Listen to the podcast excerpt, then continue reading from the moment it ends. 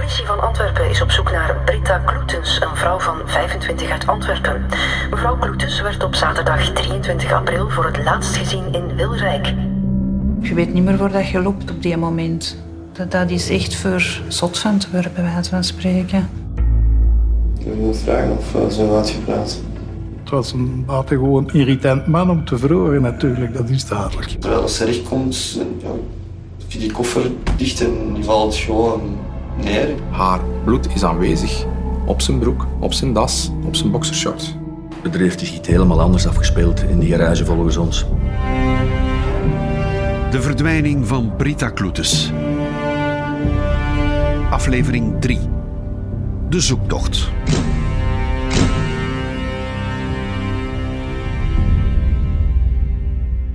Tijl Tekmans bekende zo net de moord op Brita Kloetes. Hij beschrijft aan de speurders wat er gebeurt als hij vaststelt dat ze niet meer leeft.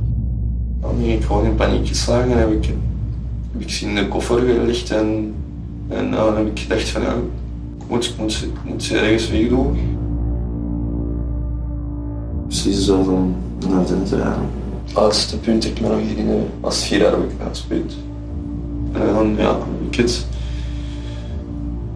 in, een, in een bos ergens uh, mijn pad, mijn berm daarnaast en dan, daarnaast naast die berm gereden en daar zat een auto gedaan en is weggesleurd en is bedekt. En dan terug weggereden. Volgens mij vertelt hij dat het in de Ardennen was, omdat wij begonnen met de comfortplaatsen te zoeken. Aangezien hij er vanaf moet van dat lichaam, moet hij een plaats kiezen waar hij zich thuis voelt, die hij kent en dat hij weet waar hij mee bezig is. In dat computermateriaal vonden wij heel veel vakantiefoto's en filmpjes van de Ardennen. En waarschijnlijk door inzage van het dossier is hij, ofwel hij zelf of via zijn raadsman, te weten gekomen van ze denken dat ze in de Ardennen ligt. En dan is hij met dat verhaal beginnen af te komen. Natuurlijk waren wij wel geneigd om te gaan zoeken, maar dan moest hij wel iets concreet geven. Wij zijn dan hem gaan opzoeken in de gevangenis en we hebben aan hem eigenlijk carte blanche gegeven. We hebben hem gevraagd van, kijk Tijl, laat ons vertrekken vanuit de Honda-garage of vanuit uw woonplaats in Duffel. En op die manier willen we eigenlijk proberen dat uw herinneringen ook meer naar boven komen en ons dan aanwijzingen geven. En dat was totaal niet nodig voor hem. Uh, voor hem was het uh, dat vierarmenkruispunt dat in zijn hoofd zat en wij moesten onmiddellijk naar daar rijden. We hebben hem een kaart gegeven, een Michelin-kaart, een heel groot plan. Uh, dat hij duidelijk zicht had op waar we waren, welke richting dat hij uit kon. En heeft dan aangegeven van, om de richting Aarlen te rijden.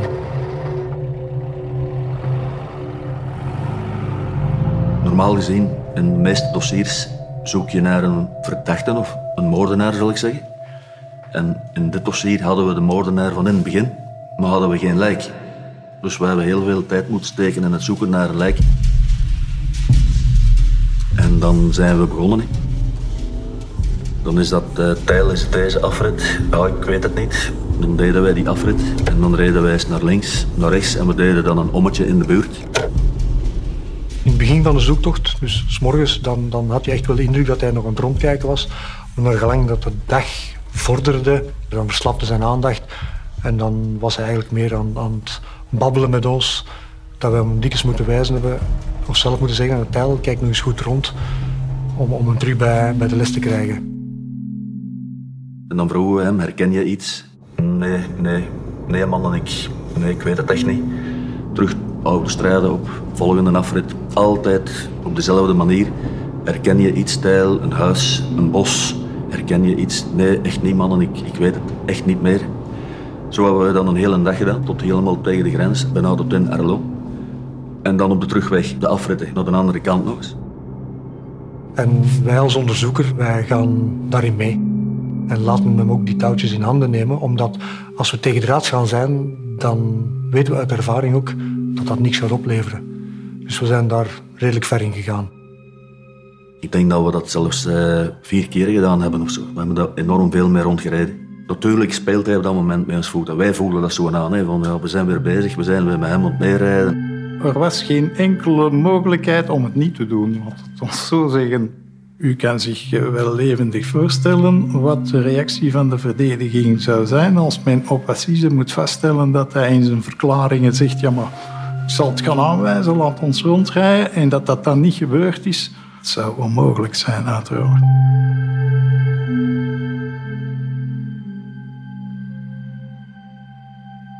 Volgens Stekmans advocaat hebben de onderzoekers wel rondgereden met zijn cliënt, maar hebben ze zijn aanwijzingen nooit ernstig genomen.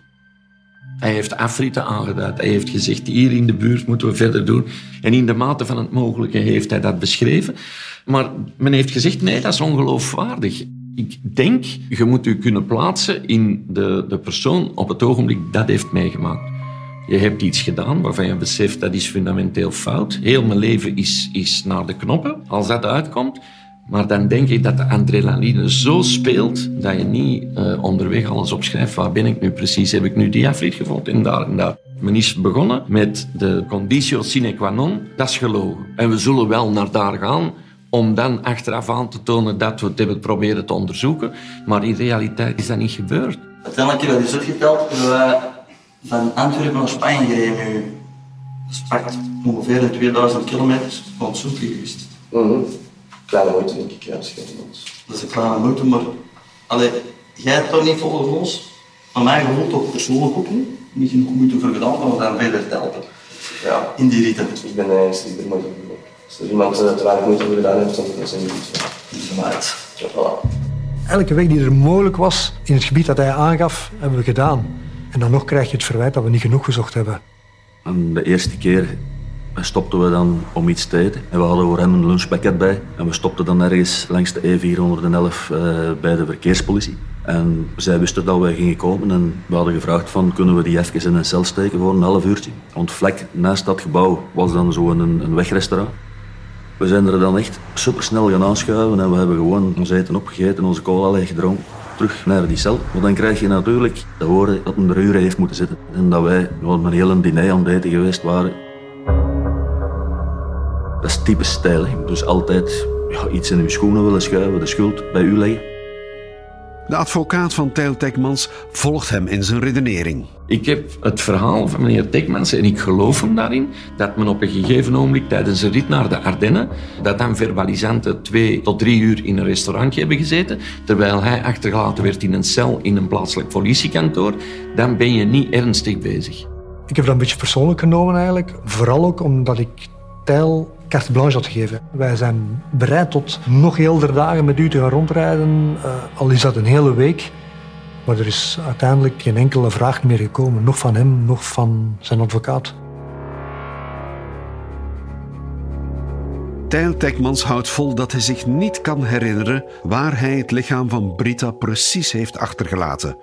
De speurders vragen zich af of het kan dat hij een blackout heeft gehad. En dan hebben we wel de bijstand gevraagd van een gerechtspsychiater om te zien van is dat nu echt geheugenverlies dat die man heeft of is hij dat aan het spelen? En dan die man zijn conclusie was dat er geen sprake was van geheugenverlies. Men kan autorijden en ondertussen met iets anders uh, bezig zijn.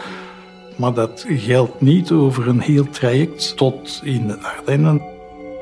Het is uitgesloten volgens dokter Dille dat men zich een volledig parcours van die lengte niet kan herinneren. Ik heb er geen moeite mee dat je tot die conclusie komt wanneer je uren en uren onderzoeken doet met iemand. Iemand twee keer bezoeken om wat testen af te nemen, dan, uh, dan hecht ik daar niet zo heel veel waarde aan.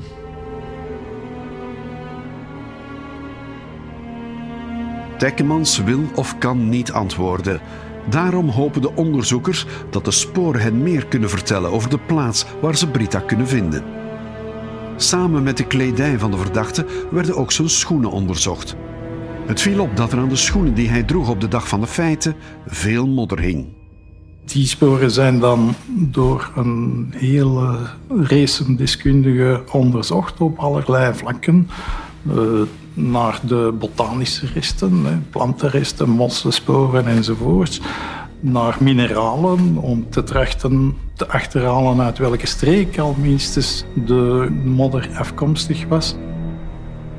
En dan was er sprake van een gemengd loofwoud met sporadisch een spar, met in de buurt een maïsveld. En dan kreeg ik de melding dat er in dat modderspoor dat daar een grote hoeveelheid glauconiet in zat. En glauconiet, dat is echt zo die donkergroen, donkerblauwe klei, afkomstig uit de streek tussen Lier en Duvel.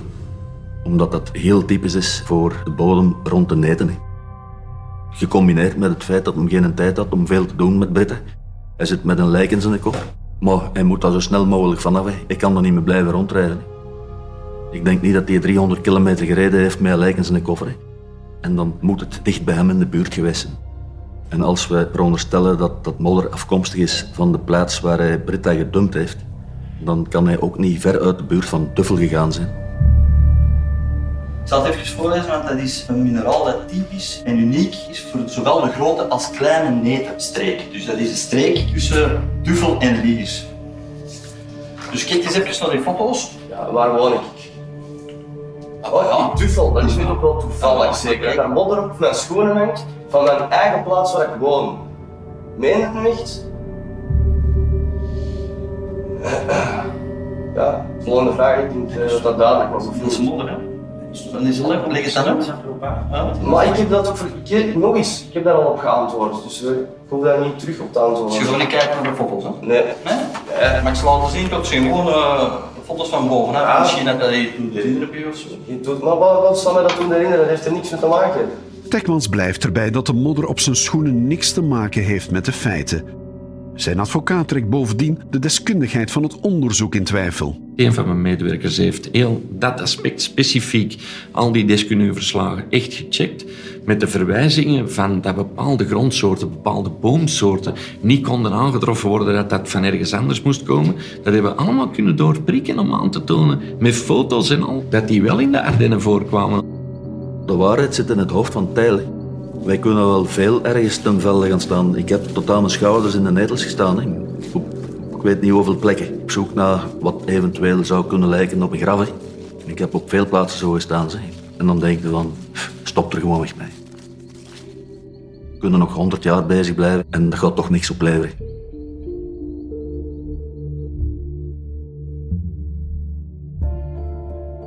Het modderspoor op Tekmans schoenen levert uiteindelijk niks op. Het blijft onduidelijk of er een verband is met de feiten. En er zijn nog andere sporen die vragen oproepen. In de wagen zelf, de passagierskant op de mat, zijn verbrande haren gevonden van Britte. En is er dus ook as aangetroffen. Dus er moet iets geweest zijn met vuur ook. Heeft hij haar misschien willen onherkenbaar maken in haar gezicht of zo? Ik weet het niet. Maar alleszins, feit is, er liggen verbrande haren en er ligt as in die auto. Dus er is ergens sprake geweest van een vuur. Op die tapings zijn er 26 haren gevonden geweest. Van die 26 waren er 15 haren die verbrand waren.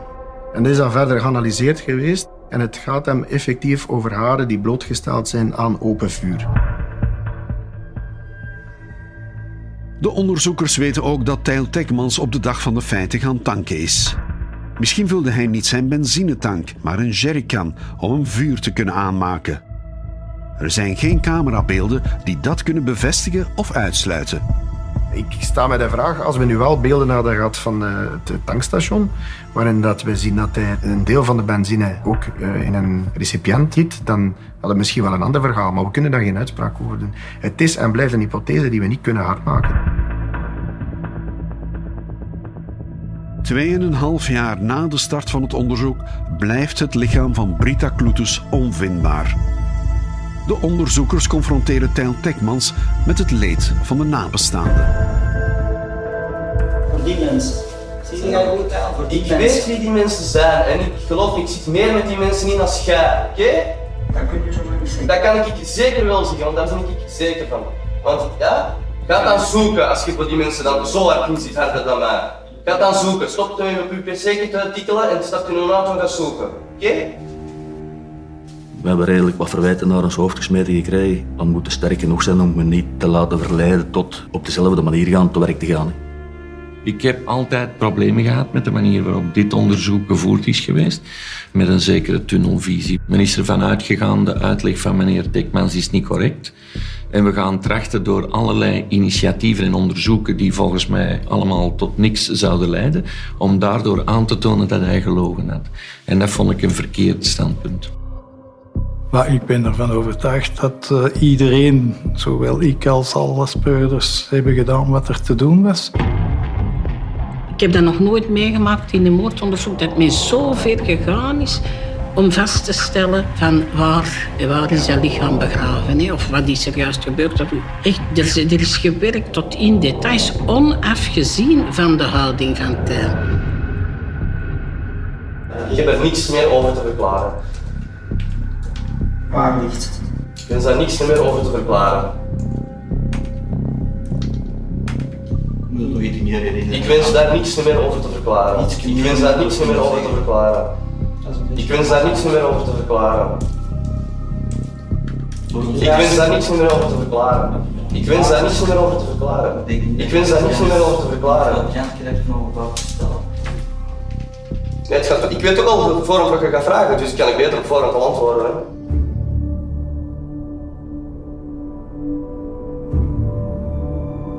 Ook al is het lichaam van Britta niet gevonden, er zijn wel genoeg elementen tegen Tijl Tekmans om hem voor het Hof van Assise te brengen. In de aanloop naar het proces wordt hij nog een laatste keer ondervraagd in de gevangenis. We moesten nog twee korte verklaringen afnemen van hem in de gevangenis. En ik zat aan te twijfelen, van, zou ik nu nog eens een poging doen om het te vragen van, Tijl, waar ligt hij? Maar ik had zoiets van, het is genoeg geweest, we hebben het al zo dikwijls geprobeerd, die geeft hij toch nooit. Maar ik wou dan voor de ouders dat toch nog eens proberen. En om nu terug te komen over die kwestie in de Ardennen, dat die daar zo liggen, vraag ik hem dus van, Tijl, vertel nu eens gewoon wat dat Britta ligt. En die zegt gewoon tegen mij van, Wim, jij hebt mij zo teleurgesteld. En jij hebt die ouders zo teleurgesteld. Jij bent niet gaan zoeken waar dat ik gezegd heb waar dat jij moest gaan zoeken. Ik heb gezegd waar ze ligt. Maar ik zeg dan, Tijl, je hebt gezegd in de Ardennen. Maar dat is veel te groot, dat snapt u toch zelf ook. Nee, ik heb gezegd waar ze ligt. En het is uw schuld dat die niet gevonden is. Jij hebt niet genoeg gezocht. En ik ben teleurgesteld in jullie. Ja, dan zit je daar dan, dan denkt in je eigen van, ja oké, ik heb het nog eens geprobeerd. En dat is het dan.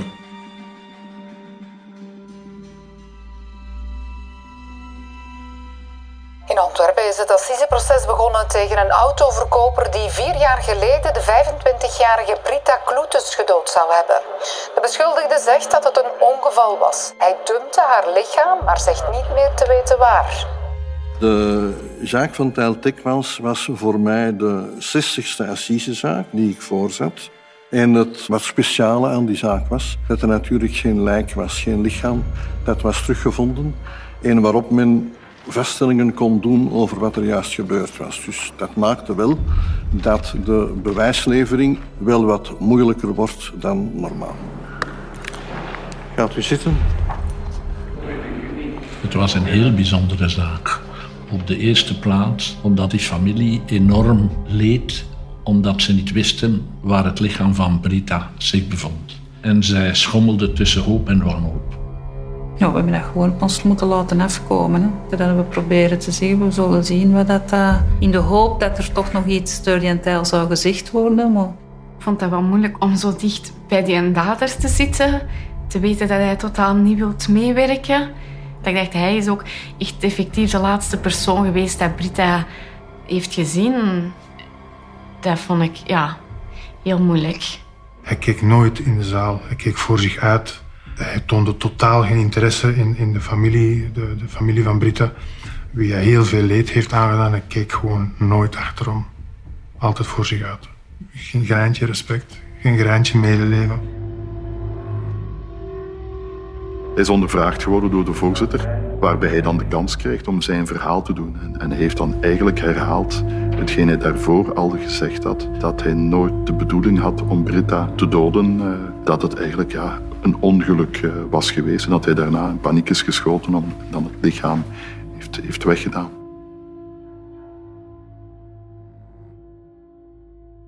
Uiteraard leeft de hoop dat die man toch zou beslissen om meer in detail te zeggen waar hij het lichaam verborgen had. En er is één ogenblik geweest dat ik dacht, nu gaat het misschien komen. En dat was tijdens de getuigenis van de moeder van Vita Kloetus, die op het einde van haar getuigenis vroeg of zij het woord mocht richten tot Tijl Tikmans. Ik heb hem dan toch eens proberen aan te spreken en nog eens te vragen of hij hem toch niet iets kon zeggen. En daar heeft hem op geantwoord, ze zal nog wel gevonden worden. Precies dat de speurders geen goed werk leverden.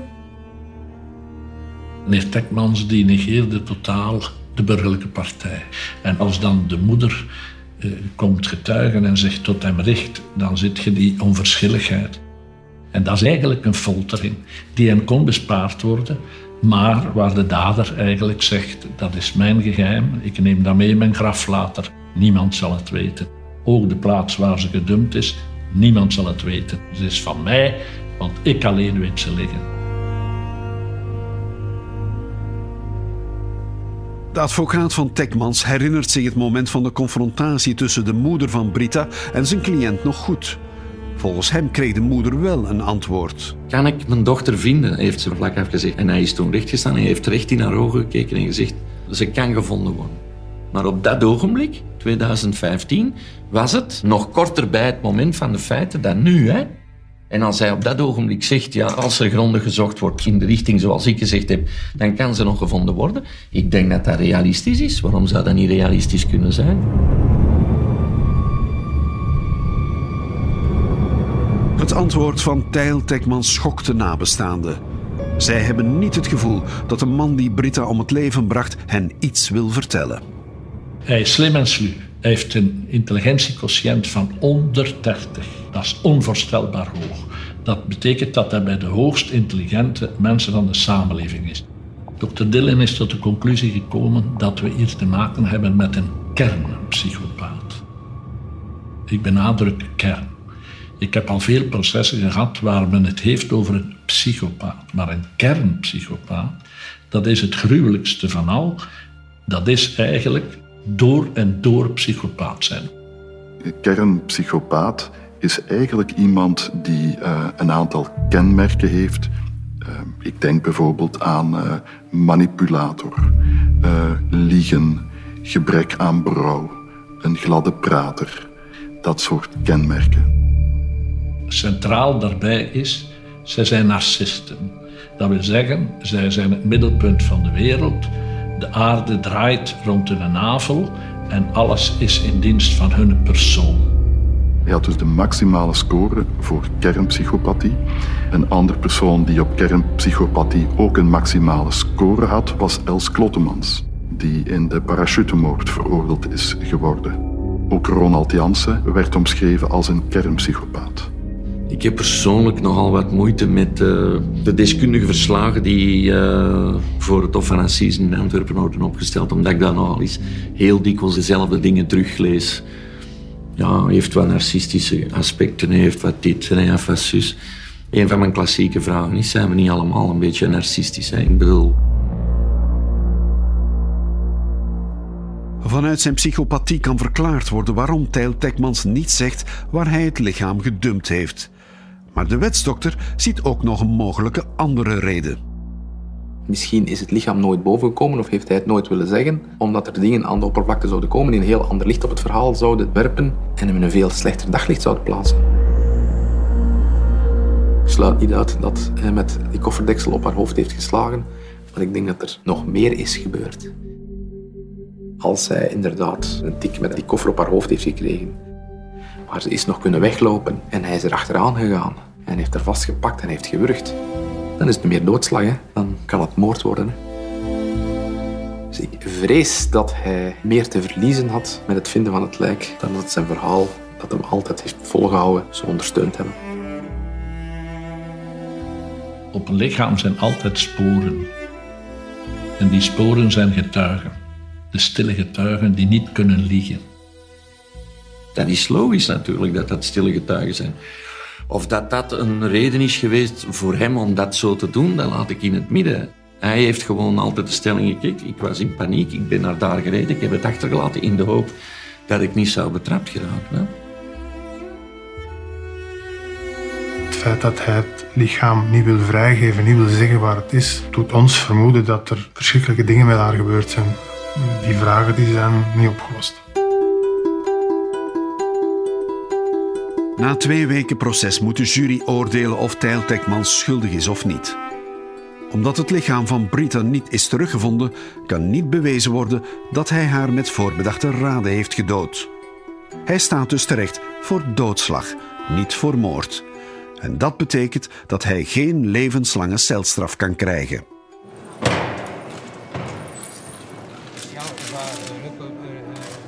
Het zou best kunnen dat er voorbedachtheid is geweest. Alleen is het zo dat er in het onderzoek onvoldoende elementen zaten om uh, van voorbedachtheid te kunnen spreken. Wat er juist gebeurd is, heeft men dus niet kunnen achterhalen. Dat is een geheim dat Tijn Tekmans in zich draagt. Na beraadslaging met de rechtsprekende jury, overeenkomstig de artikelen 343 en 344 van het wetboek van strafvordering, veroordeelt Tekmans Tijl voornoemd tot 30 jaar opsluiting.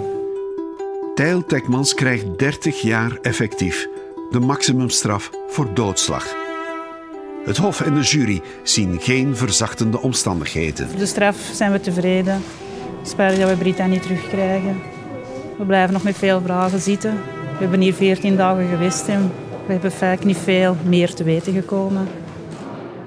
Het was wel een opluchting als dat proces gedaan Ja, was. oké. dat de straf gekend was, dan konden we vaak echt beginnen zeggen... we gaan het even kunnen afsluiten.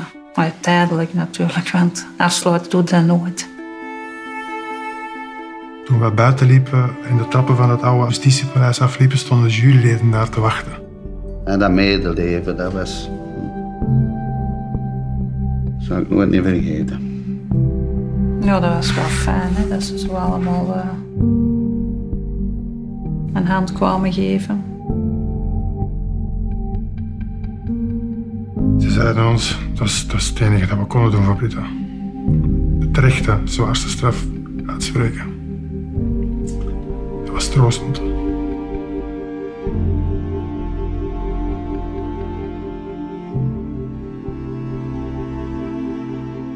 Na het assiseproces starten de ouders en het parket een juridische procedure om Brita officieel dood te laten verklaren. Brita Kloetes is niet gevonden, maar ze krijgt symbolisch wel een laatste rustplaats.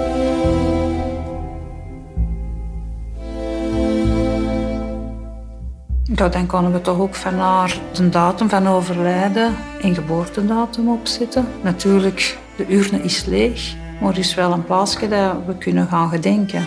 En moest ze ooit gevonden worden, want in het begin hebben we toch altijd gedacht, ze wordt misschien nog gevonden, dan kon ze daarbij geplaatst worden.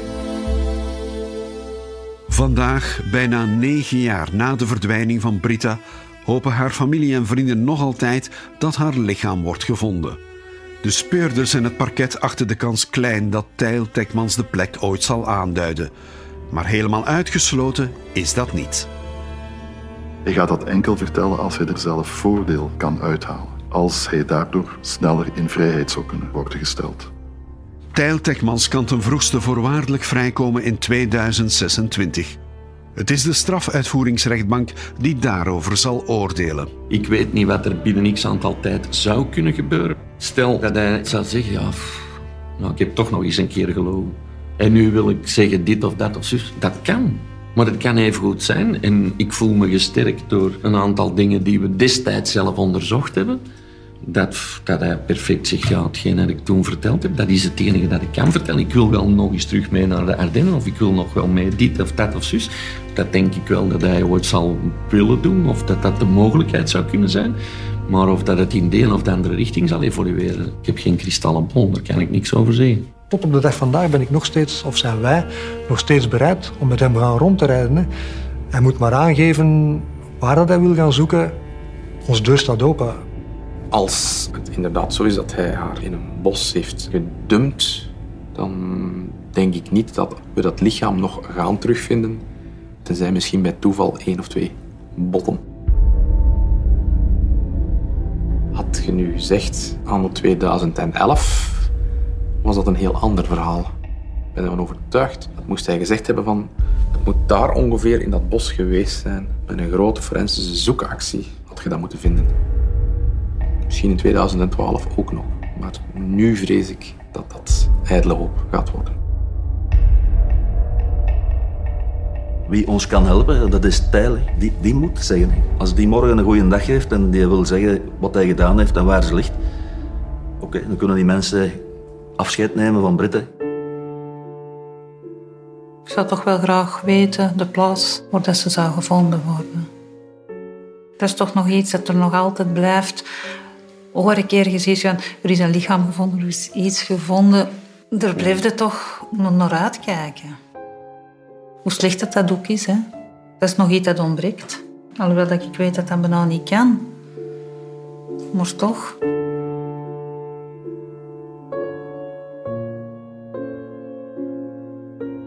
U luisterde naar de derde en laatste aflevering van de verdwijning van Brita Kloetes. Mocht je na het horen van deze podcast nood hebben aan een gesprek, kan je terecht bij Teleonthaal op het nummer 106.